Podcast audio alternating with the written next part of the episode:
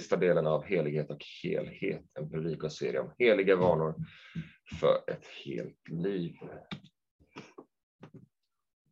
Och, eh, dagens predikotext är från Ordspråksboken kapitel, eller, kapitel 9 och vers 10. Att frukta Herren är början till vishet. Att känna den Helige är insikt. Att frukta Herren är början till insikt. Till vishet, att känna den Helige är insikt. Varsågod Joel. Tack, tack. Vi börjar med B. Herre, vi tackar dig att du är god Herre. Och Herre, vi ber att denna stunden ska du få befria oss från dålig rädsla som binder oss, Herre, som får oss att fly dig, Herre. Och Herre, vi ber att du ska ge oss och hjälpa oss förstå vad den här goda, vackra fruktan är, som kanske låter så konstigt, Herre. Men Herre, vi ber att vi ska få bara uppleva glädjen i att vi fruktar dig, Herre. Så Herre, vi tackar dig i Jesu namn. Amen. Amen. Att frukta eller inte frukta. Det är frågan. Det är frågan som eh, Eh, vi ska brottas med en liten eh, stund här. Och om du har varit kristen ett tag så har du nog hört det här begreppet att frukta Herren flera gånger. Men det kan uppfattas som en väldigt förvirrande begrepp eftersom ordet frukta är väldigt laddat. Vad ger det oss för gudsbild om Gud uppmanar oss att frukta honom? Ordet frukta är för, för det mesta väldigt associerat till negativa saker. Så, så det kan uppfattas konstigt att vi ska frukta Gud. Men, men Bibeln talar flera gånger om, om just detta. Ta till exempel eh, Predikaren 12, vers 13. Det står Frukta Gud och håll hans bud. Det gäller alla människor. Och i psalm 86 så ber kung David Ge mig ett odelat hjärta så att jag fruktar ditt namn. Men å andra sidan så hör vi text efter text efter text som säger att vi inte ska frukta. Om och om igen hör vi ord som var inte rädd. Första Johannesbrevet kapitel 4 har, så står det, det finns ingen rädsla i kärleken, utan den fullkomliga kärleken driver ut rädslan. Och det gör att jag behöver ställa frågan igen. Att frukta eller inte frukta. När man läser Bibeln så kan man få lite dubbla budskap. Och min bön för denna stund är, är att vi ska förstå att evangeliet om Jesus befriar oss från rädsla och fruktan, men också ger oss fruktan. Och det låter kanske lite paradoxalt, för som ni kanske anar så, så, så verkar Bibeln tala om olika typer av fruktan. En väldigt dålig typ av fruktan, som jag tror är det vi ofta associerar ordet med, i alla fall på svenska. Och sen en väldigt hälsosam, ljuvlig, vakt, vacker fruktan. Och det finns till och med vissa bibelverser som plockar upp båda aspekterna samtidigt. Eh, så i Andra Mosebok kapitel 20 så säger Moses till folket, var inte rädda, alltså var inte rädda. Gud har kommit för att sätta er på prov för att ni ska frukta honom. Alltså, var inte rädda för att ni ska frukta honom. Så det låter jättekonstigt.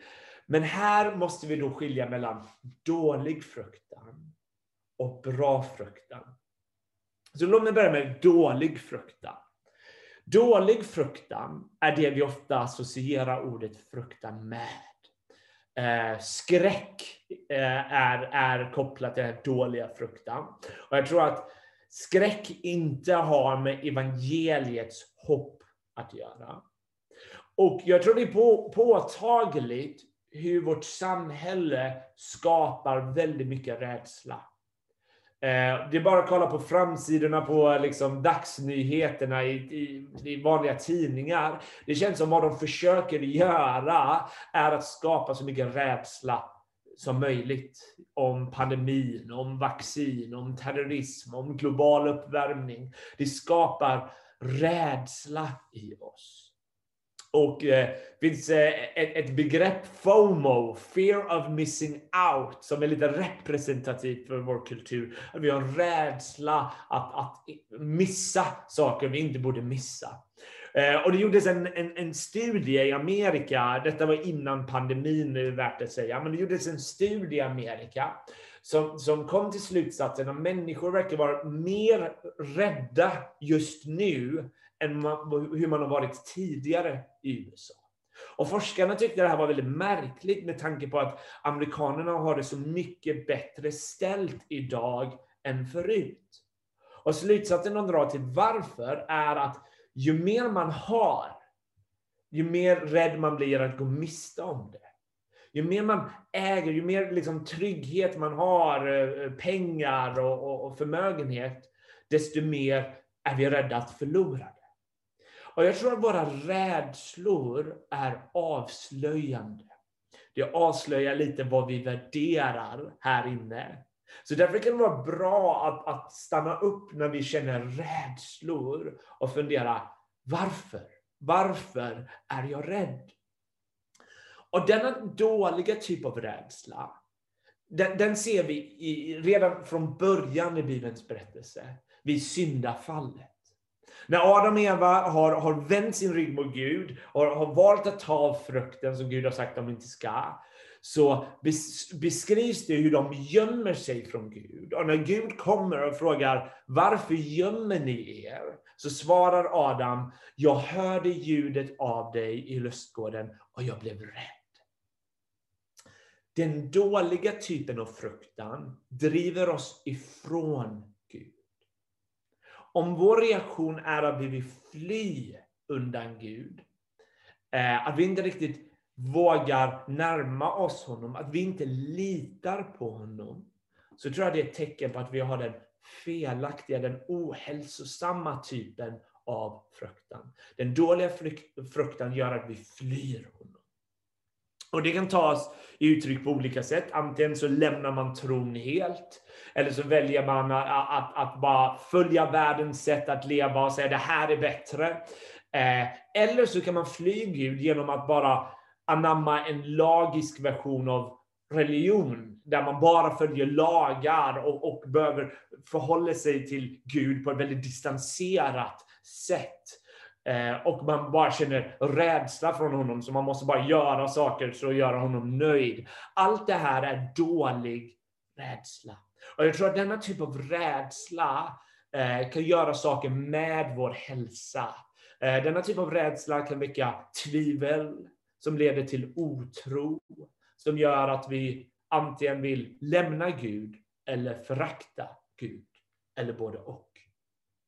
Och jag tror den onde i världen vill skapa rädsla och skräck. Speciellt hur vi förhåller oss till Gud och omgivningen. Att vi lever i ängslighet, oro och rädsla. Och denna typ av rädsla leder till att vi inte litar på Gud. Vi har svårt att tro på hans löften. Och det här är motsatsen till vad Bibeln menar med att frukta Gud. Så vad är bra fruktan? Rätt typ av fruktan är avgörande för vår andliga hälsa. Vi behöver Guds fruktan, eh, Guds fruktan för vår andliga hälsa. Precis som vi hörde i texten som Jakob läste, så står det att Guds fruktan är början av all vishet. När, när Bibeln talar om vishet, så handlar det inte om intelligens, vem som är smartast. Det finns otroligt smarta människor som inte är visa. Visdom i Bibeln handlar om hur vi väljer att vara i världen. Den handlar om hur man navigerar våra liv på ett sätt som är i synk med skapelsen och med skaparens goda tankar. Det är vishet vi behöver för att göra rätt typ av beslut. Att, att göra rätt grej vid rätt tillfälle på ett sätt som ärar Gud. Och därför talar Bibeln mycket om att vi behöver vishet för att växa. Och om första principen av den här visheten är att frukta Gud, så är gudsfruktan då någonting väldigt viktigt för oss. För jag tror den här typen av fruktan är en fruktan som gör oss inte lika bekymrade över vad människor tänker om oss. För jag tror vi människor ofta brottas med människofruktan. Vi är rädda för vad folk ska tycka om oss, liksom hur, hur de ser på oss. Men Guds fruktan vill hellre se till att, att vilja göra det som är gott i Guds ögon. Så vad är Guds fruktan då? Eh, det är inte skräck, som jag tror vi har sett. Det, det verkar evangeliet tala om att det, har, det ska evangeliet befria oss från. Utan Guds fruktan verkar handla om en, någon form av otrolig vördnad och bävan inför Gud. Guds fruktan är insikten om att Gud är oändlig. Och vi är inte det. Det är insikten om att Gud, endast Gud är Gud. Han har inga rivaler. Han har ingen som kan jämföra sig med honom. Han ensam är värdig all makt och ära. Endast han har fullkomlig kontroll över vad, vad, vad allt som sker i universum. Han har ingen som kan jämföra sig med honom. Han har aldrig fel. Han har all makt och ära och vi kan inte kontrollera honom. Gudsfruktan i Bibeln är därför en typ av vördnad och bävan som är nästan överväldigande, men det är inte skräck. Det är inte att vi är rädda för honom så vi känner att vi behöver fly. Den bibliska, och vad jag tror är en, vack, en vacker vision av fruktan, eh, är för vår skull. Det är någonting som är bra för oss.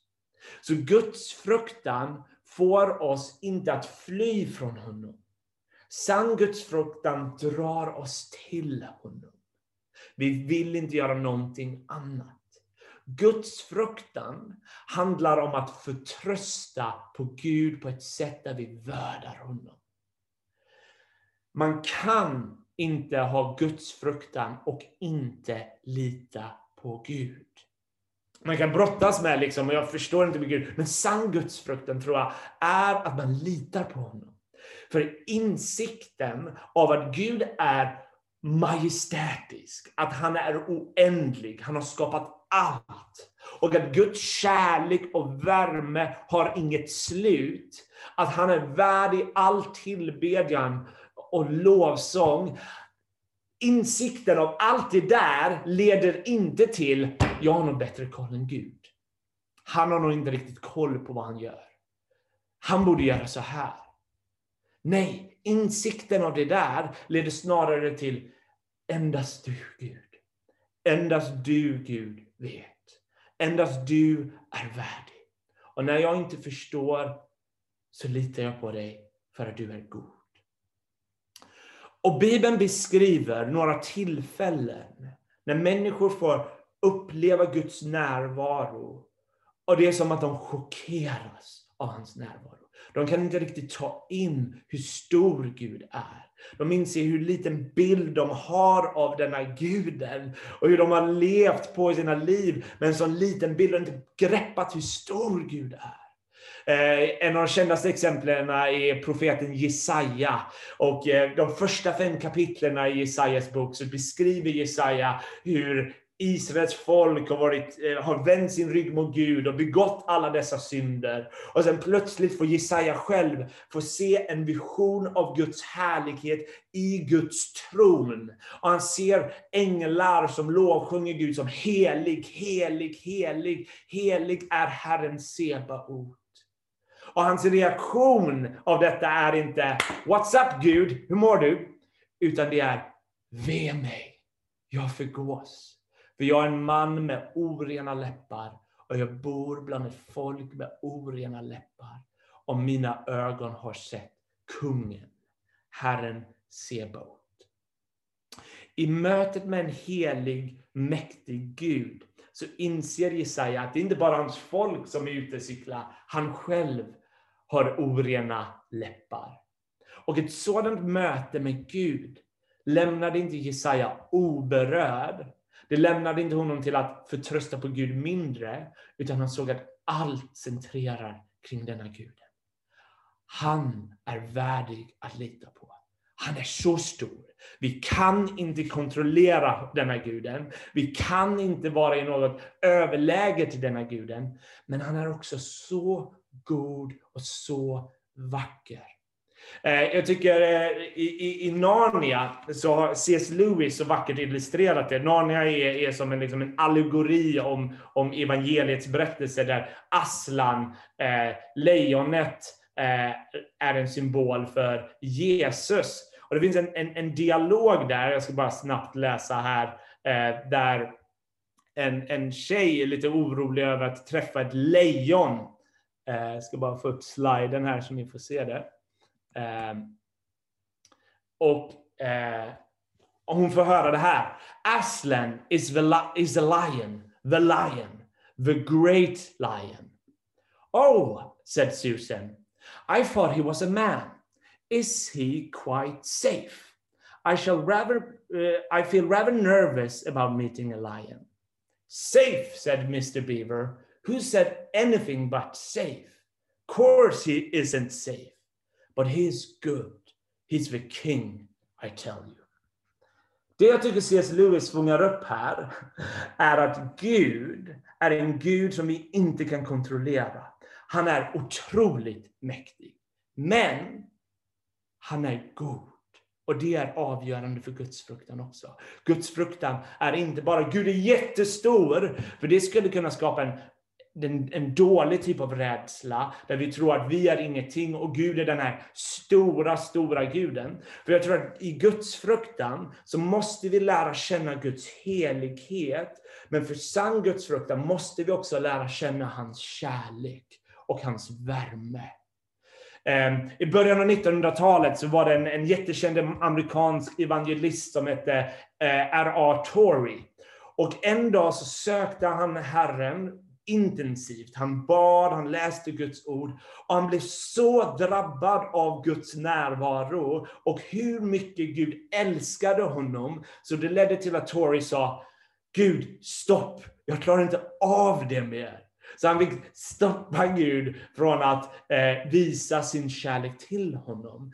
För i mötet med denna Gudens kärlek så förstår vi, vi har inte kategorierna att förstå en sån stor kärlek. Så vi klarar knappt av det.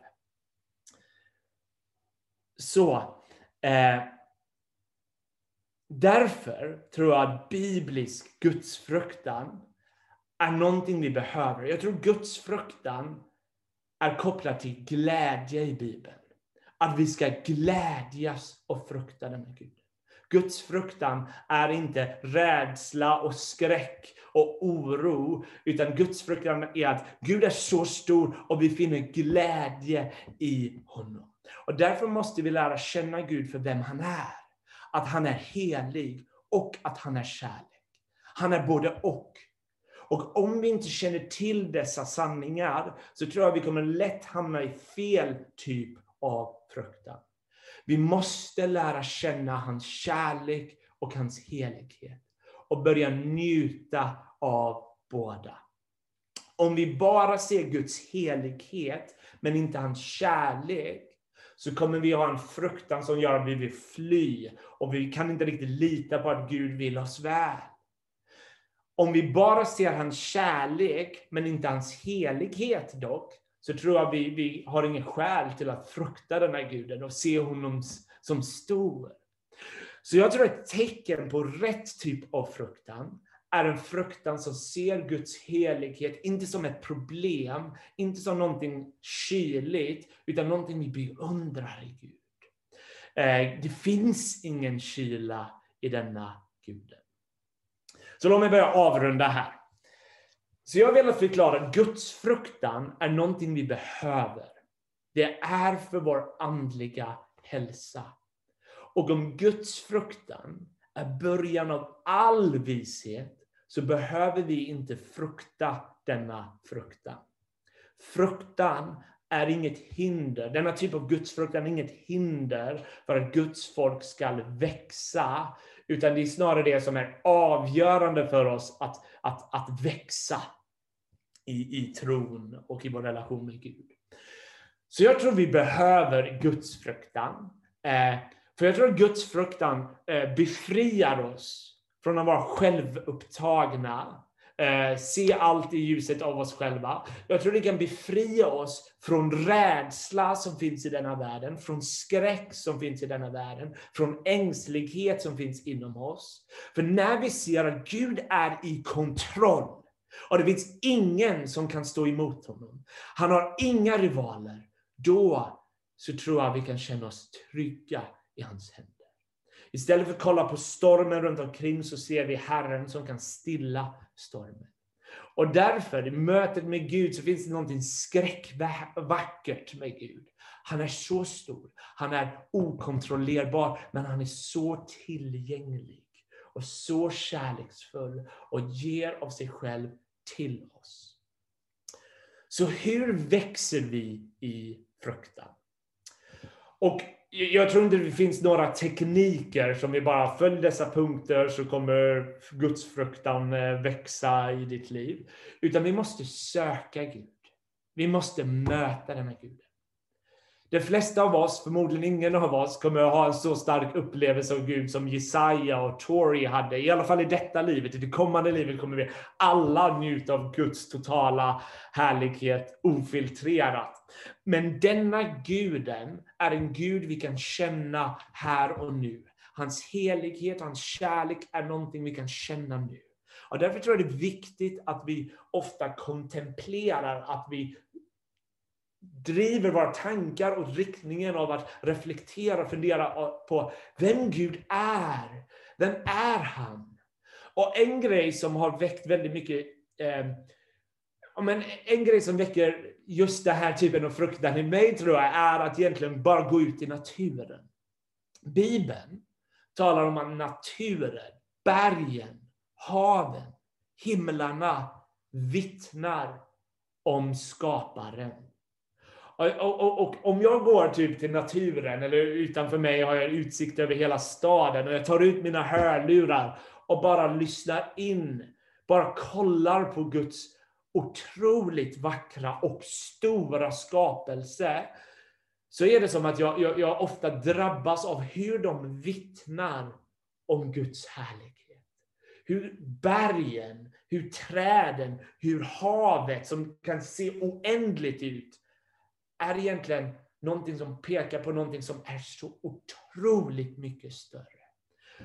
Och när jag ser att naturen pekar på Gud, så får jag ofta känslan av trygghet. Att universum är så stor så det kan vara överväldigande och nästan läskigt. Men när jag påminns om att det finns en skapare som har skapat allt det här, är det som att jag känner mig trygg. Han har kontroll. Inget kan förvåna honom. Inget kan stoppa hans planer. Och han älskar mig. Och han har kallat mig till att vara hans barn. Vilken kärlek han har visat oss. Och därför tror jag det är viktigt att vi som kyrka, vi som vänner i Kristus, att vi söker Gud ihop när vi själva, när vi är tillsammans, när vi är i skogen, när vi är hemma. Vi söker honom, vi ber, för vi vill möta honom för vem han är.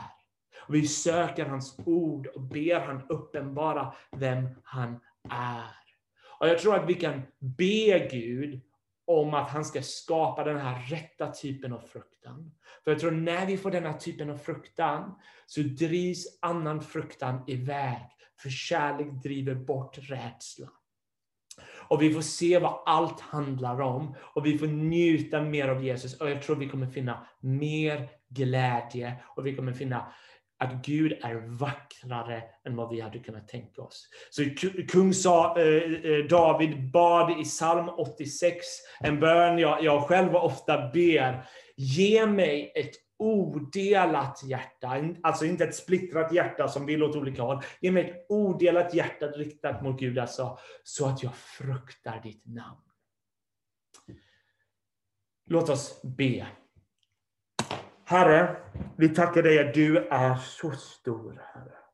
Men Herre, du är så stor. Din storhet tar inte från din tillgänglighet.